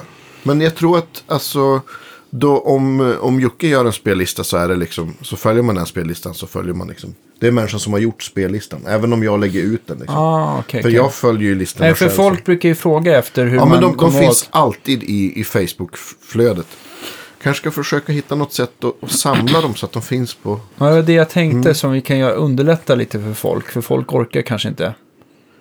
Eh, jag, ska, jag återkommer i frågan. Ja. Ja. Däremot för, angående Spotify, för er som har missat, så, så går det ju att lyssna på vår podcast där. Exakt. Ja, ja, okej. Så Så det är om man inte vill hålla på med någon nedladdning av hela program och nej, sånt där. och, poddappar och, och grejer så, så kan man lyssna på Spotify. Ja. Alla avsnitt finns. Härligt. ja. Eh, men Jo, men sen, Prag, sen så har det utvecklats då till det här med och, och, Jag har ju skrivit en massa låtar och sen har det liksom upp och ner sig genom åren varit både roligt och, och, och tråkigt. Så nu, sen några år tillbaka så har det liksom glädjen till att skriva komma tillbaka. Mm. Och då har jag satt ihop ett band runt det här Curtis Joe som, som är en kvartett. Och vi har nu spelat in eh, en platta då som sagt tillsammans också med Lasse igen som Ja. producent och, och magisk eh, ljudrattare och allt möjligt. Eh, så att eh, den ska komma nu i mars helt Vad enkelt. kul. Ja, Finns det superkul. datum till och med på? Nej, vi, vi, eh, vi, har, vi har ju skjutit upp masteringen en gång och, och nu är vi liksom, vi sitter mitt i det. Så att man, Ja, man jag fattar. Åh, det är alltid något. Höj den där, sänk den där och liksom. Mm. Så att det finns, jag, jag tänkte, jag, jag tog med mig för att, jag tog med mig en till gitarr faktiskt för att Ja. visa er. Eh, Vill du eh, Ja, jag den och hämta? Apropå inspelat, det, det är en gitarr som jag fick i 50-årspresent av min fru. Som är helt fantastisk. Vilken tog- fantastisk present. Ja, det är ju, det är ju galet härligt att ha en, en fru som, som inte, bara, ja, inte bara köper en gitarr utan för, på något sätt lyckas förstå vad det är för gitarr man gillar. Eh, och eh, den här gitarren eh, spelar jag nu på, på den sista låten vi gjorde här. Och det är en gitarr som låter så jävla bra så att eh, det är helt galet. Och vi pratar alltså om en, vad var det, 66 Sex- Epiphone Riviera. Riviera, precis. En, en röd, ni kommer väl lägga upp den, bild på den. Som Definitivt. sagt. Den ser ut att vara helt original. Vad jag kan säga. Mickarna är Ja. ju rätt med sina mini-handbackers då, då. Och sen så den här tvådelade stränghållaren och eh, nylonsadlar till det här. Det där är ett ABR, ett stall om du vill jämföra looken på det och Les Paulen då. Och sen så reflektor mickarna, alltså, jag, jag har fan inte hört någonting som låter så bra. Det roliga är att man, man hör ju när man snackar mellan tagningar på dem också. De drar Ja, in de är så, lite mikrofoniska, Ja, de tar så in i Norden emellan. Men, men jag tog med mig en snutt. Eh, som man kanske kan spela upp då sen i efterhand. Vi lägger in den här. Ja, ja.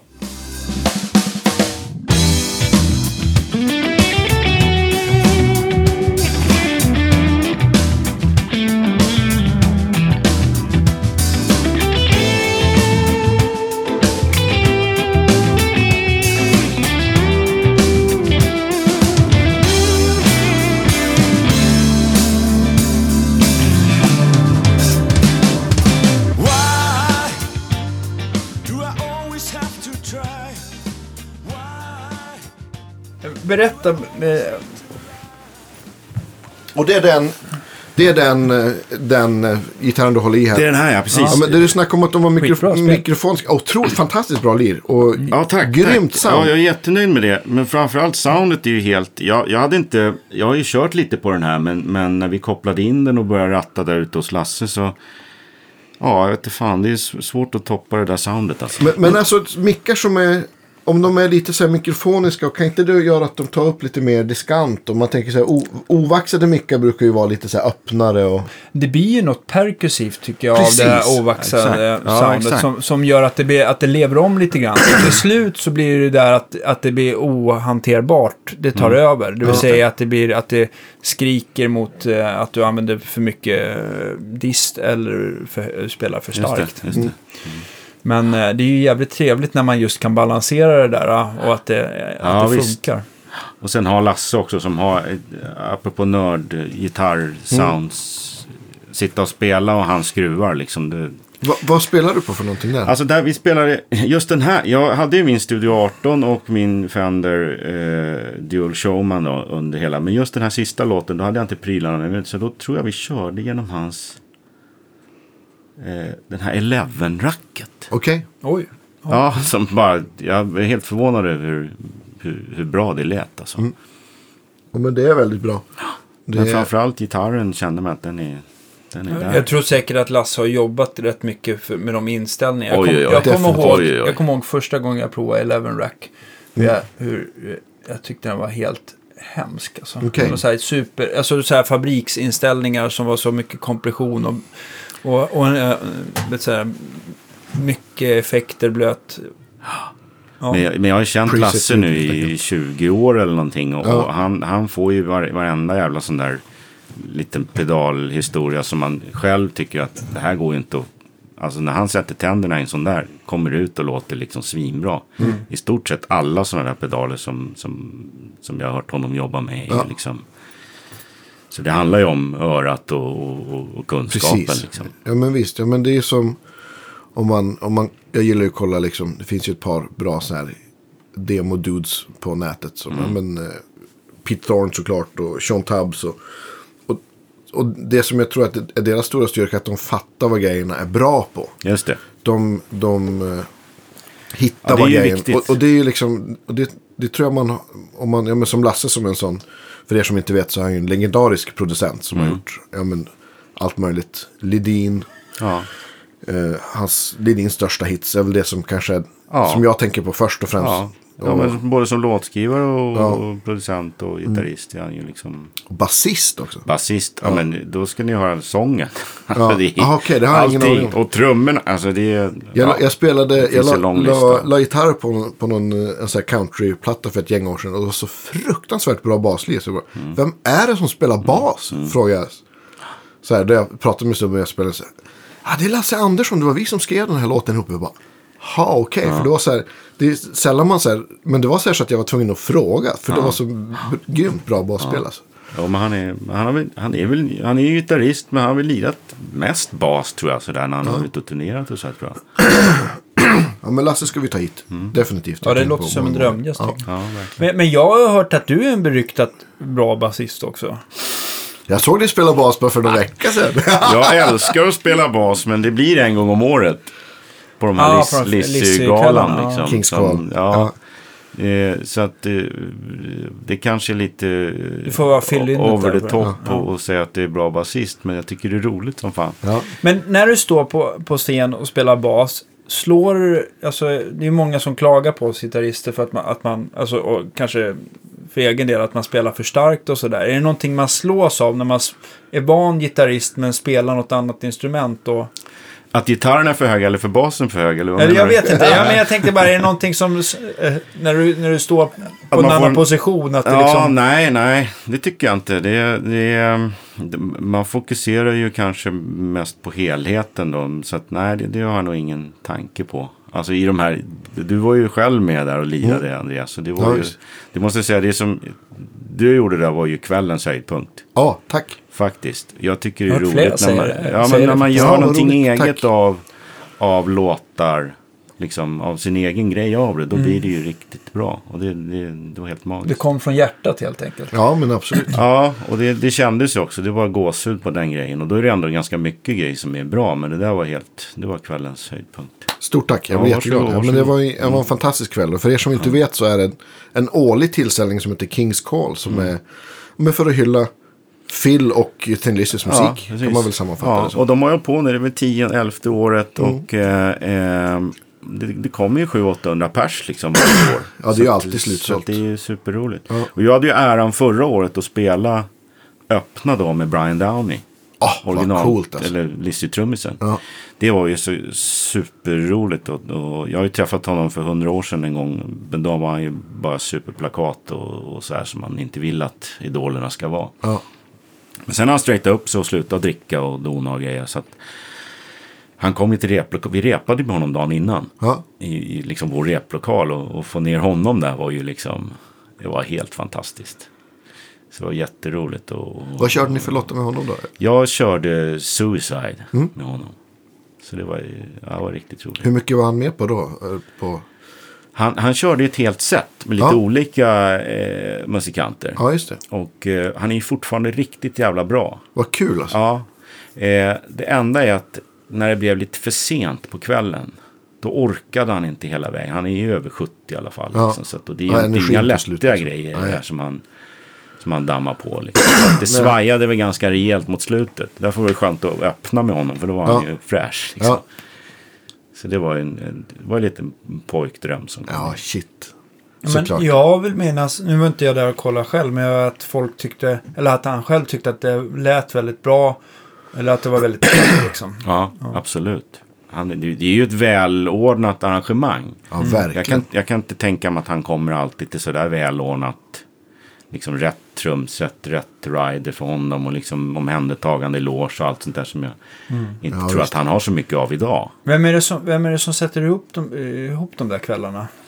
Det är min eh, bästa kompis Håkan Granat och Allan och Tony. Tre personer som... Det började hemma i Tonys vardagsrum när de satt och lyssnade på Lizzy-plattor bara. Och sen så började det tas ut på puben och sen till slut har det hamnat här tio år senare. Det var, ja, men det var någon som sa att, att vi var 48 pers som spelade den där kvällen. Ja, ja, det gick undan. Det var en fin kväll. Det, ja, ja verkligen. Jag tycker ändå att det, det höll ganska bra tempo ändå också. När man byter så mycket musik Ja, hela tiden verkligen. så kan det bli lite tröttsamt med all. Men det var bra tempo.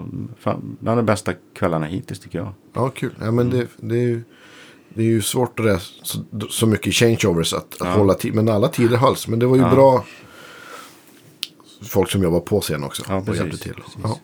Men du körde lapstil hela Nej, giget, eller? nej, en, vi spelade två låtar. Det är lite, så- upplägget är väl lite så att man kör en, två låtar liksom så här. Ja, precis. Varje sättning. Så Ja. vi körde två låtar. Jag spelade lapstil på, på The Sun Goes Down. Och så sen körde vi eh, Thunder and Lightning. Och då spelade jag Eski. Ja, Och du, superroligt. men du körde ett par låtar. Du spelar bas på... Nej, i år körde jag faktiskt bara en Du körde låt. Bara en brukar, låt? Ja, det gjorde jag. Eh, jag brukar köra lite om mina akustiska grejer då. Ja. Förr om åren så här. Men nu har jag gjort det så många varv. Så nu, nu hoppar jag bara upp och kör någonting så här lite Ja. roligt. Jag kommer inte ihåg vad du körde för låt. Eh, Johnny Fox. Ja! Just Ja, det. den är rolig. Spretig platta. Ja, Men, men bra. ja. Lite funky sådär. Ja, men precis. Ja, men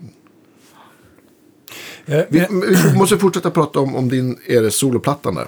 Vi var, Ja. vi, vi var på Lasse och mixning och Ja, vi spelade upp gitarrsolot. Vi fortsätter där. Ja, precis. Eh, nej, men det är som sagt eh, egna låtar då i, med den här kvartetten som är, är eh, Björn Jalin på trummor, Lasse Sör på bas och Kjell Allinge på orgel.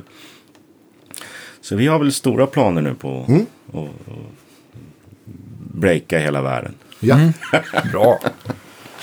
Nej, men det, det är superroligt att, att, att vara så nära nu. För att ju, vi, vi spelar ju in på the old fashion way. Liksom. En, två, tre, fyra. Alla spelar liksom. Och det blir som det blir. Och sen har jag lagt lite solon och lead sådär efteråt. Men, Och det är ju det roligaste sättet att spela in på tycker jag. Ja, men det lät, alltså, det... Ja men då blir det ju lite så här. Ja, det, då är det Ja, ju mer jag feelingen man letar efter. Sen, sen jag är inte så noga. Det är ju andra i bandet som är lite så här mera. Åh vi måste flytta den där basken. Men skit, det är ju vad fan Men jag det kan som inte det höra är. några minus i alla fall. Det lät ju, om man inte är inne i det så, Nej, så märker det är man ju inte det. intresserad. Alltså, är det skön feeling? Svaret Ja. är ja. Ja visst. Då Precis. får man hacka i så att man inte alltid är där. Nej, Att men bara visst. lite spela i, i Sabatodart Och jag det här är egentligen den första platta jag spelar gitarr på. För de tidigare plattorna jag gjort, då har jag haft Lasse. Ja, Och den första plattan jag gjorde, Ola Gustafsson. Så jag har ju aldrig packat upp gitarr. Det fanns ju ingen idé för mig. ja är det Ola som spelar på den? Ola, nej, Ola spelade på, på jag gjorde en, en, hade ett skivkontrakt och gjorde en platta på svenska på 90-talet. Okej. Och då tror jag att faktiskt Ola precis hade kommit ner hit till Stockholm. Ja. Och eh, Patrik Fisk producerade. Ja, men så här, Fantastisk lite- producent för det, Ja, tycker jag. super, super nice snubbe Ja. också. Och eh, eh, ja, men så här platta på svenska, lite så här Lemark. Den måste du lägga in på listan Ja, men den, den är jättebra och så här, men, men fick ingen riktigt fäste. Men, men schysst. Alltså, Ja. världens bästa band, Ola Gustafsson, Christer Jansson och liksom. Ja. Men som sagt, jag, det här är första plattan jag spelar själv på. Eh, de andra sjöng jag bara på för att det, det kändes som att både Ola och Lasse liksom. Det, Men, det men den inget- plattan med orkestern, är det Lasse som spelar gitarr då eller? Ja, precis. Ja, Så att jag, jag, jag är ingen dålig gitarrist så här, men just Lasse och Ola är ju liksom, det är en helt annan planet. Och när man ska göra en produktion så vill man ju ändå att det ska vara bra. Och finns det någon som är ännu bättre så är det bra. ja och det kan också vara skönt att få någon annans input. Ja, absolut, absolut. Men det är väl kul nu att, släppa loss ordentligt. Och man märker att det är svårt att spela in. Det är en sak att spela live. Ja, ja visst. Men just när man spelar in, det är, det är någonting där i rummet som gör att det, det måste man, Man öva får på. tänka några Ja, extra varv. Det lät väldigt bra i gitarren tycker jag. Det var liksom, Ja, man roligt. tänker en så här stor, stor, eh, stor eh, 335 typ av gitarr med handbacker ska låta liksom väldigt murrigt och, och tjockt. Liksom. Mm. Den där var ju väldigt twangig och liksom Ja, öppet och Ja. snärtigt. Det är nästan, man kan inte liksom tänka och att det var... strängigt, liksom skönt så här som man eh, vill ha. Jag tycker att mini-handbackers har ju liksom, alltså det är ju många mini-handbackers-gitarrer, framförallt Les Paul Deluxer som har fått sätta, sä- sätta, eh, har fått en slags ansiktslyftning, eller ansiktslyftning kanske man inte ska Ja. säga, men plastikoperering med, Ja. med, med utfräsning för stora Just det, ja. handbackers. Och det är, jag tycker de här mini-handbackersarna har, ju verkligen sin charm, framförallt när det Verkligen. kommer till liksom clean till crunch-sound, att de har, Verkligen. de har Jag hade ingen koll på det för jag har inte haft någon sån här minihandbacke förut. Liksom, Mm. Så att jag varit så positivt överraskad. Inte nog med att den är snygg och skön. Den låter som en jävla dröm. Då, alltså. då kommer en, en, en till fråga till dig då, Danne. Mm. Om man då jämför mini-humbuckers med eh, mini-humbuckersarna som sitter i en, en Firebird. Ja, de, är det de någon har, skillnad? Eller? Ja, det, det, det, på- alltså en mini-handbacker, eh, vad heter det, den är ju uppbyggd mer klassiskt som, alltså den som sitter på den här gitarren är ju upp, de som, när man ser de här små polerna, de är mera upp, eh, uppbyggda inuti som en vanlig handbacker. Okej. Medan Firebirden har ju en annan typ av stor magnet som har en lite annan konstruktion som gör att de lå- låter ju mycket, de har lite mer drag och mellanregister och, och, och, Just det. och um, de blir lite aggressivare. Och de, jag kan inte säga att den ena är bättre än den andra, men det är lite mer attityd i Firebird-mickarna. Okej. Eh, och de där tycker jag låter... Jag skulle nog hellre välja dem själv för att jag tycker att de är lite öppnare. Och det är, det är väl också att det är lite mindre magnet. Det är, du får inte på lika mycket tråd. Spolarna sitter lite närmare varandra. Så att, och eh, det känns som att de, eh, de inte eh, fasar bort så mycket från Just det, varandra. ja. Eftersom ja, det blir lite smalare fält på något sätt. Ja, om man lärt sig något idag. Eh, så att jag gillar dem där verkligen. Jag tycker de är grymma. Ja, jag är helt nöjd. Vad kör du för strängar på den där? Du, det här är nog, eh, vilket jag tror att det är Dadario 010. Ja. Ja. Om jag inte minns fel. Ja, Jag kände på den där gitarren innan, innan podden också. Den var fantastiskt skön att spela på. Ja. Ja, den är grym. Jag tänkte, då jag tog upp och spelade på den så tänkte jag, den här ska väl inte Danne pilla på? Den här känns Nej, fantastisk. den är redan klar. Den är verkligen. Precis, jag får inte förstöra något mer. Nej, men Les Paulen hjälpte du mig att byta den här Översadeln? översaden. Ja. Sen dess, för att just G-strängen är ju alltid problem. Det har, det har funkat skitbra sen du bytte den. Faktiskt.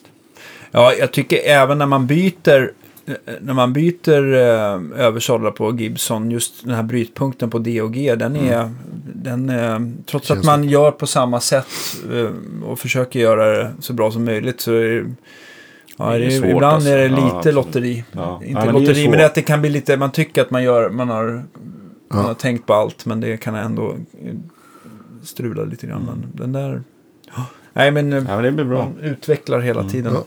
Den där blir väldigt bra. Jo, nu jag måste ta, medan vi kommer ihåg det. Du, har ju, du håller ju på lite grann med film också, eller hur?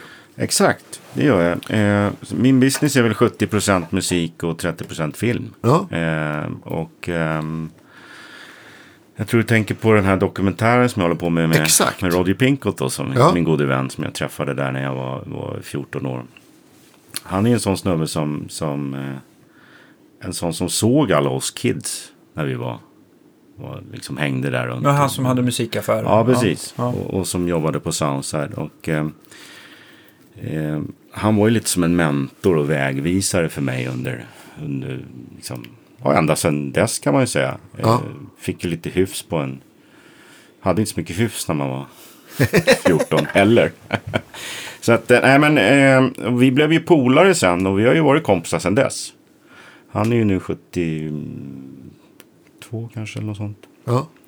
Och det började egentligen med han och jag och Dante eh, blev uppbjudna till eh, Gitarrbröderna i Umeå. Mm. Eh, Och och gick på, på museet där, kollade lite. Då tog jag med mig kameran bara för skojs skull. Skulle filma lite vår weekend där uppe. Bara så här, ha för, för mig själv liksom. Men alla som känner till Roger vet att han är en riktig storyteller. Varför har vi... Han måste vi... Får vi ta det i samband med filmen då? Ja, och filmen, jag, eh, jag ska komma till det. Eh, då, eh, men jag kom ju hem där med liksom fyra kilo film efter den här helgen och, och, och med tusen stories och liksom berättelser om hela. Han, är ju från, han kom hit 1970 från, från England. Ja. Basist och spelade med, liksom med, med massa musiker. Hängde med. Liksom, det fanns ju en gata där alla hängde liksom på pubbarna. Så här, Clapton, Jimi Hendrix och alla. Så han har ju liksom hängt i den där eran. Herregud. Ja, det är ju helt fantastiskt. Så han berättar ju historien från var han kommer ifrån till alla de här liksom, grejerna som han har varit med om som musiker. Tills han landade där 1970, gifte sig med en svensk fru. Och hamnade på musikaffären där uppe på Soundside på, på Götgatan. Och blev butikschef där. Och sen någon som två meter basist, ser ut som en rockstjärna från, från England. Liksom. Det Ja. var ju succé redan från, från start. Ja. Så att, eh, men som sagt, eh, när jag kom hem med det där allt filmat jag så kände jag att det här, jag måste göra någonting av det här. Ja. Och kanske framför allt eh, för att hylla vår vänskap på något sätt. Det är därför Ja. jag har gjort den filmen. Och vi har, nu vet jag inte när det här ska sändas, men, men Det sänds imorgon. All right. För att vår framförhållning är just nu noll. Ja, vad härligt. Bra. Då är det ju så att den 6 februari ska jag göra en visning på filmen. För när jag började lägga ut små trailers här på Facebook så var det så många som hörde av sig. Och som har samma liksom, upplevelse av Roger som jag har. Det var skitkul. Alla började skriva, "Ja, jag köpte min första fars av Roger och bla bla bla. Ja. Och eh, många som sagt hörde av sig också som är med, kom med i filmen sen också. Så att den är precis klar. Eh, mm, många är med och berättar historierna om, som de har upplevt Roddy. Och så, Mm. så det är superkul. Det är Ronander och Conny Blom och alla liksom. Alla de här som hängde i musikaffärerna då på, på den tiden. ja, coolt.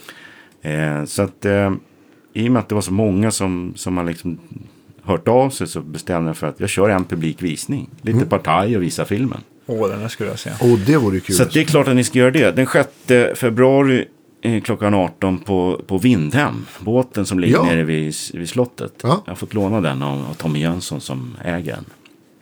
Så att där ska vi ha lite, han öppnar upp båten bara för oss. Och Tommy Jönsson är ju alltså ägaren Han är, till Soundsider. Soundsider. Ja, så det precis. är, det är ju extra roligt för honom att, att låna ut lokalen för, för att visa den filmen.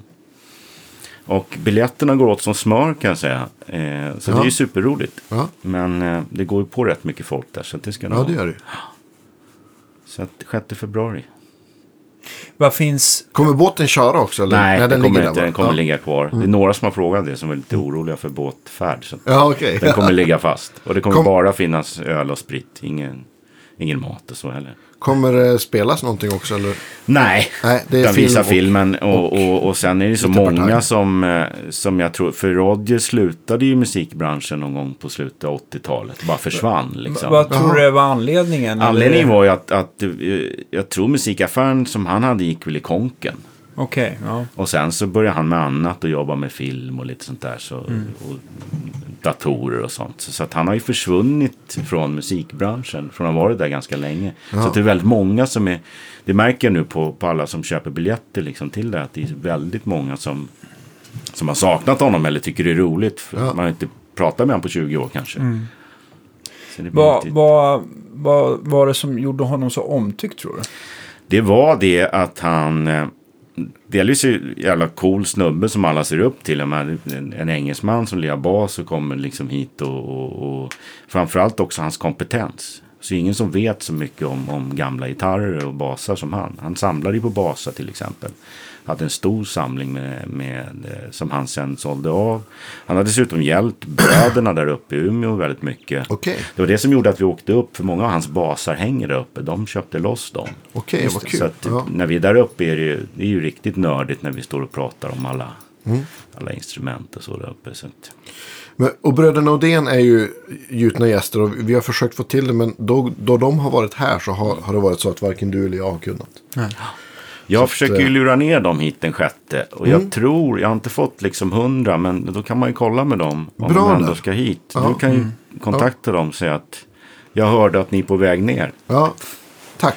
Ja, Så för kan det, vi- de har ju verkligen de- en, en beryktad samling. Ja, det måste ju vara en av de största i världen alltså. I alla fall en av dem. Ja, och, och, och det, är, det är också så kul. Man ska ju gå på det här museet och höra storiesarna från dem. Det är ja, helt ja, visst. fantastiskt. Ja, Så- det är skitroligt. Och, liksom, och då de köpt, började köpa gitarrer, det var ju långt innan internets tid. Och det var saker som försvann. Och Ja. mamma pantsatte huset och ja, men, allt sånt där. Så det är ju, Men det är coolt, de berättar en, en story om hur de liksom köpte instrument och så här. De, jag tror de, jobb, de jobbar på musikaffär uppe. Körde de eh, Good Cup, Bad Cup när de skulle köpa in? Säkert, säkert. säkert. Men, men vad jag fattar som så hade de ju, när de sålde för hundra år sedan eh, musikinstrument och där uppe så, så skrev man ju för hand vad man sålde och till vem med telefonnummer. ja. Och sen när de rafsade upp de där böckerna liksom 30 år senare så började de ringa runt. Till alla de här. Ja, du köpte en Les Paul här från... Har du kvar den? Ja. Och många hade ju sina prylar kvar. Av det som de hade köpt för hundra år sedan. Som stod i källaren eller någonting. Så på det sättet Du så... får samma. Precis. Så att, det är ett coolt sätt att jaga upp prylar på. Och så 6 februari Ja, så är det visning på. Och Precis. var hittar man biljetter då? alltså man får väl leta upp mig på Facebook eller någonting. Så Ja. kan man... Eh, därifrån så, så ligger det eventet. Tror du att det finns, om man missar det här eventet och vill se filmen ändå, då är det kört? Eller har, det finns det någon Då är plan? det kört. Nej, planen var som sagt att jag bara skulle lägga ut det på nätet eh, till allmän beskådan. Liksom. Och det kommer jag göra efter sjätte. Så att då kan man titta på den där. Och Du- då kommer YouTube ju, eller? Ja, något sånt. Ja. Och om man vill söka efter det, då... Då får man nog leta sig in på min hemsida amorell.se. Mm. Där kommer den ligga så småningom. Ja. Gud, Ja, det är ju superkul. Det är ju ett riktigt så här hjärteprojekt. Liksom. Ja. Det ska bli jätteroligt. Och... För Roddy kommer naturligtvis också delta där. Mm. Och vara med på kvällen.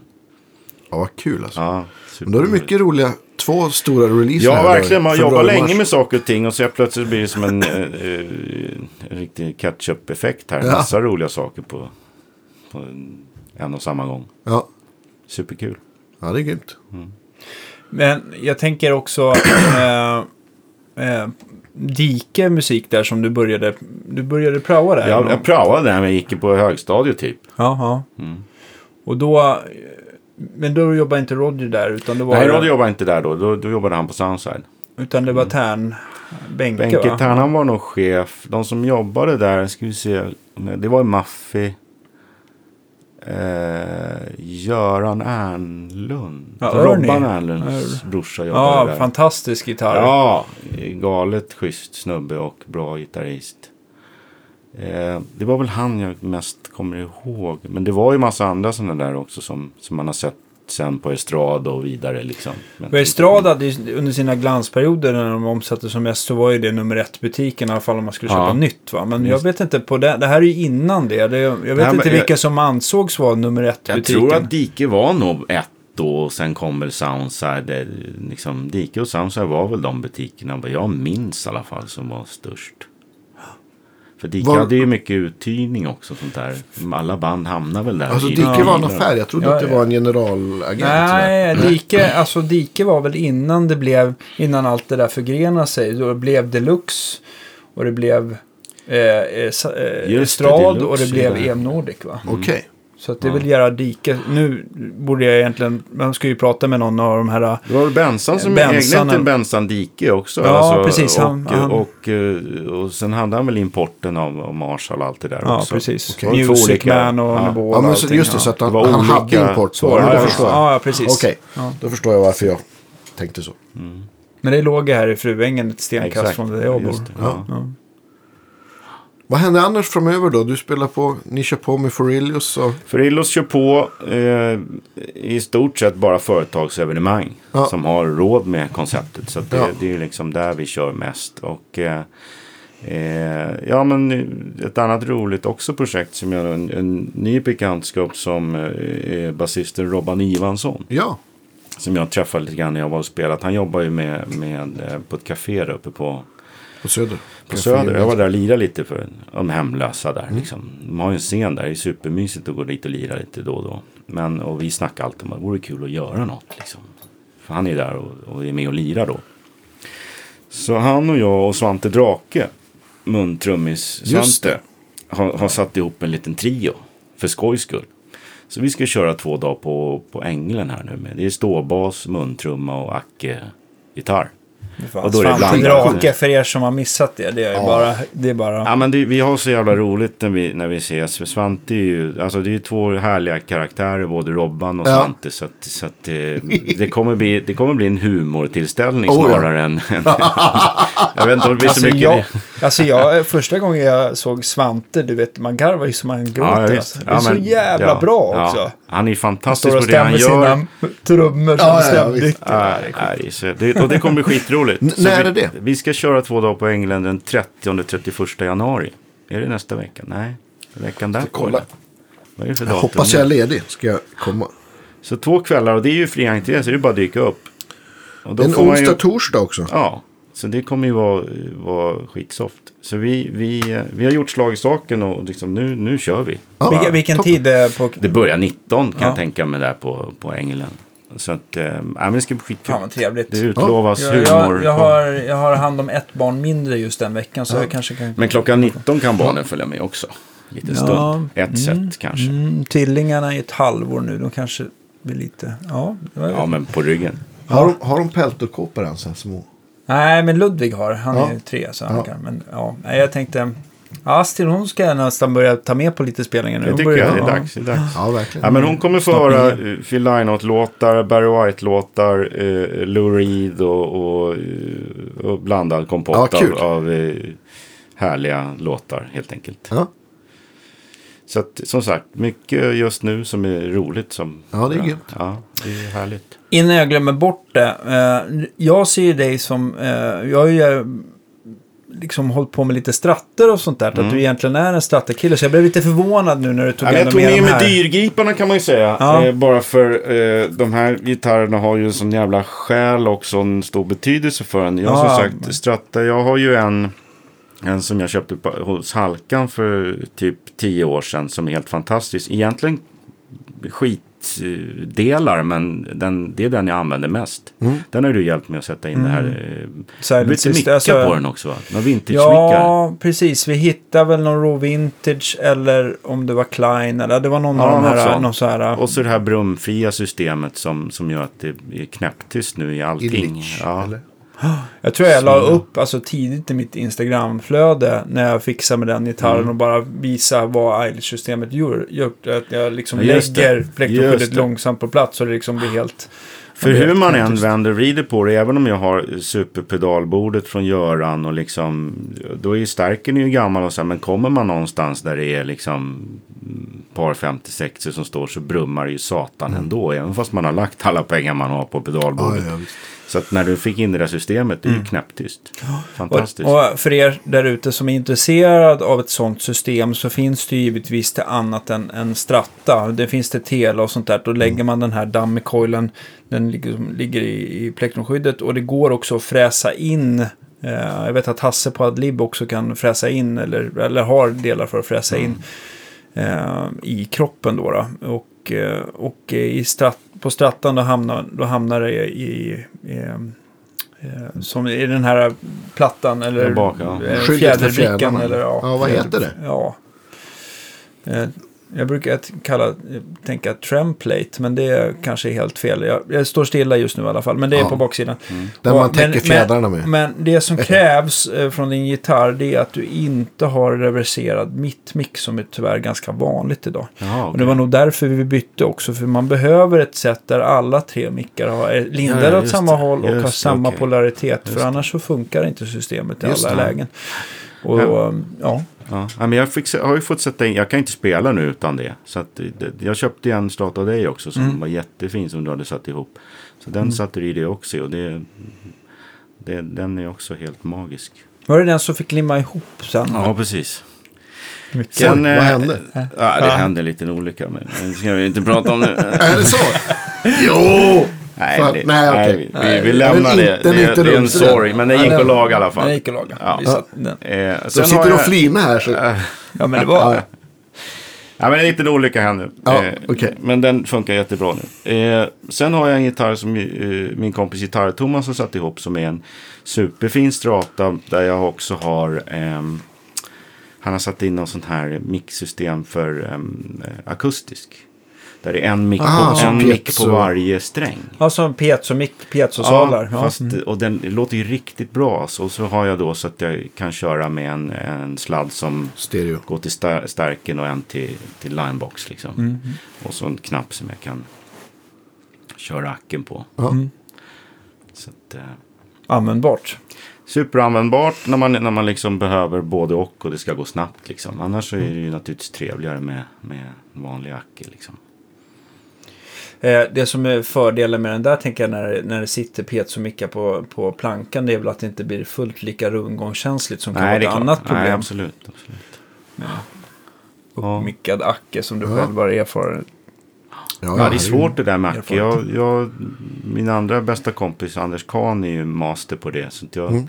vänder mig alltid till honom när det är dags att, att skruva. Har du märkt också att han har alltid ändrat sig lite grann? Varenda gång. Och det Ja. är härligt. Jag, är ju, Ja, jag, jag vill ju alltid att saker ska, äh, jag ska inte säga alltid, men det är skönt om det är alltid, när det är inställt så är det inställt. Men Så funkar det, alltid ja. när jag träffar Kahn eh, någon vecka senare. har du provat den här? Ja, Ja, men han är en sökare och det gillar Han jag på han samma är- sätt ja, som, jag älskar som, det. Jag älskar som det. vi gillar gitarrpedaler så gillar han olika. Vi kanske ska göra en del två med Kan. Ja. Ja, se att- var, vart han ligger nu i, Ja. i schemat. Och men sen det är det så roligt för att han byter ju grejer som sagt hela tiden. Och det, det är ju glädjande för, för kompiskretsen som kan ta över hans grejer som är en vecka gamla Ja. till ett pris som är, är härligt. Ja, Jag ska faktiskt hem till honom nu och, och, och, och försöka få lite bättre liv i, i Akuran. Med, jag har en sån här, de här Helicon, TC. ja precis, Ja, de, de Ac, Acoustic eller vad de heter. Mm, de är Som skitbra. man kör in sång och allting. De är jättebra. Men det krävs ju samma där, lite skruvande. Och där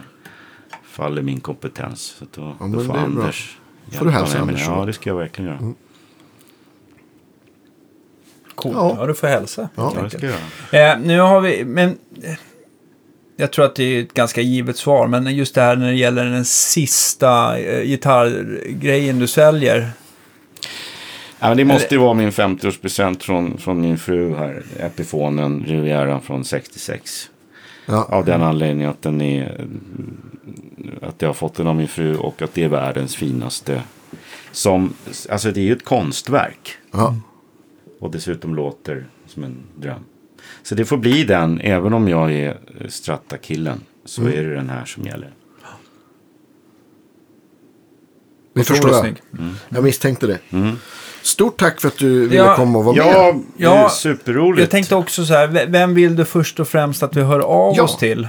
Jag skulle faktiskt säga Lasse. Mm. Det är Ja. inget snack om saken. Att, det är, eh, att ni hör av er till honom. För han har ju saker att berätta. Sen är ju Roddy också. Han är ju basist. Men han har ju jävla massa saker att berätta. Ja, men men vi han, har ju han haft är några trevliga ja, ja, basister. visst. kommer Ja. fler basister. Han, han, eh, han, Roddy och Lasse skulle jag nog säga. Är de två. Det är ju liksom här med filmen och så. så så, så har det ju, eftersom det har väckt så stort intresse också så kan det ju vara kul att ha, höra hans story Ja, men i verkligen. podden. För han, han är bra storyteller också.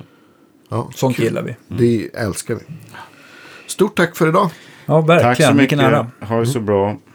Vi hörs nästa, nästa vecka. vecka. Ja, eller hur? I kanon nästan. Ja. Hej då!